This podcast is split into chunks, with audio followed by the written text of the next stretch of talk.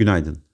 Rusya Devlet Başkanı Putin'in dost olmayan ülkelere doğalgaz satışı ödemelerinde Rus rublesine geçmeyi planlıyoruz açıklamasında bulundu.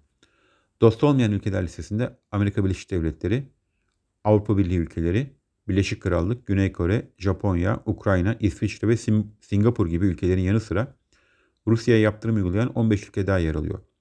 Açıklama sonrası emtia fiyatları hızlı yükselirken endekslere satış geldi.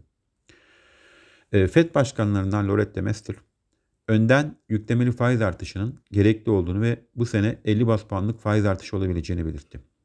Tüketici güven endeksi 72,5 ile geçtiğimiz aya göre %1.9 yükselirken yıllık düşüş %16.4 oldu.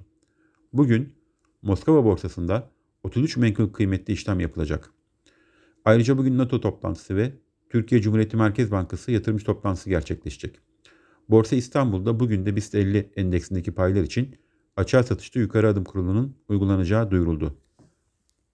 Borsa İstanbul'da endeks için yatay bir açılış bekliyoruz. İyi günler, bereketli kazançlar.